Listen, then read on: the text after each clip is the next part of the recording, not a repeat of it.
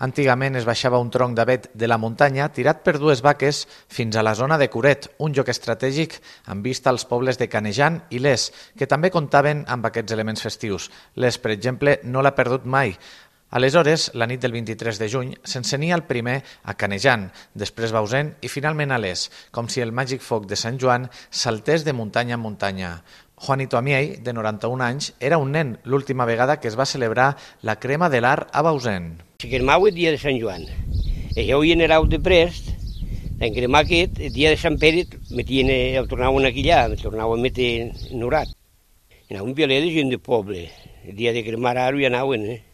Salles, no seguien secant, els balcús, els mainatges en cremar, en apartadi, en a salles a tau d'Ambueque. És una iniciativa que ha sorgit de l'associació Sarnallers, amb suport de l'Ajuntament. José Antonio Varés n'és l'alcalde. Poder l'equillat dia de Sant Pere, vull dir, sí que un, un rebrembe molt positiu, i bueno, de mi gran satisfacció.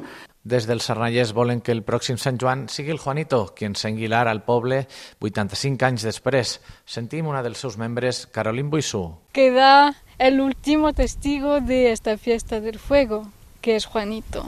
Queríamos ofrecerle como la reactivación de esta fiesta. Alguns veïns apunten que la festa es va perdre per la despoblació. Ara mateix a Bausen no hi viuen ni un centenar de persones.